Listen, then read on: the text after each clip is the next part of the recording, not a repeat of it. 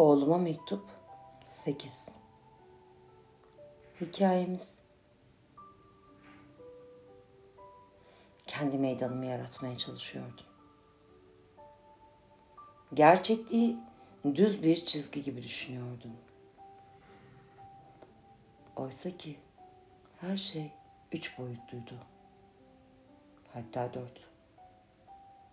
Bağlamsal ve derinlikliydi.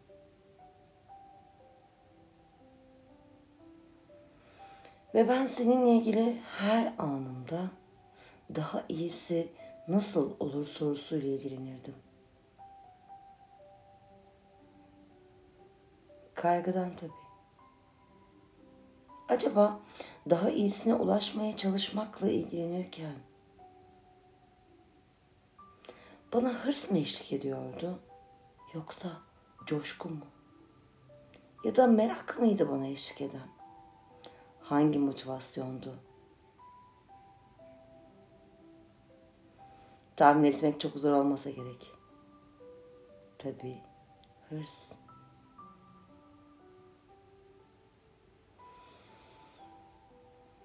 İnsanın bazen en güçlü özelliği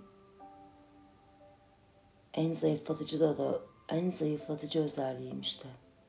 En zayıf yanıymış.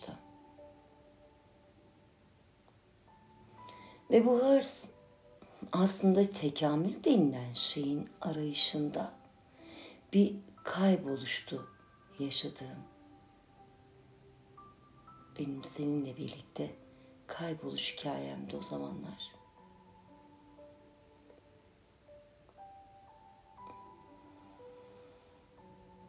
Kendimi aramaya, aramaya başladığımda yaklaşık sen 9 yaşlarındaydın.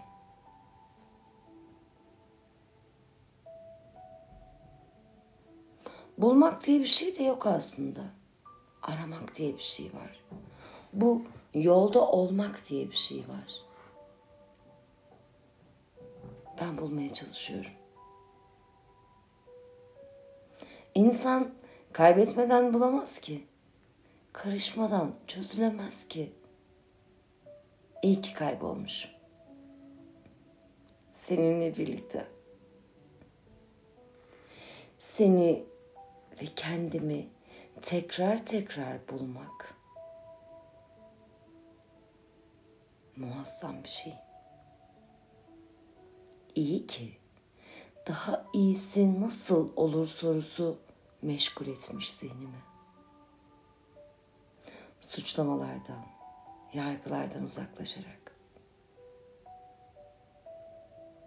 Mesela aslında benim hikayem, arayışım, senin aracı, aracılığına kendi arayışım aslında. Bu çağda dualitesinden uzaklaşan insanı bulmak oğlum. Bu yol beni ve seni aratan bir yol hikayesi. Bu yol bizim de bir hikayemiz.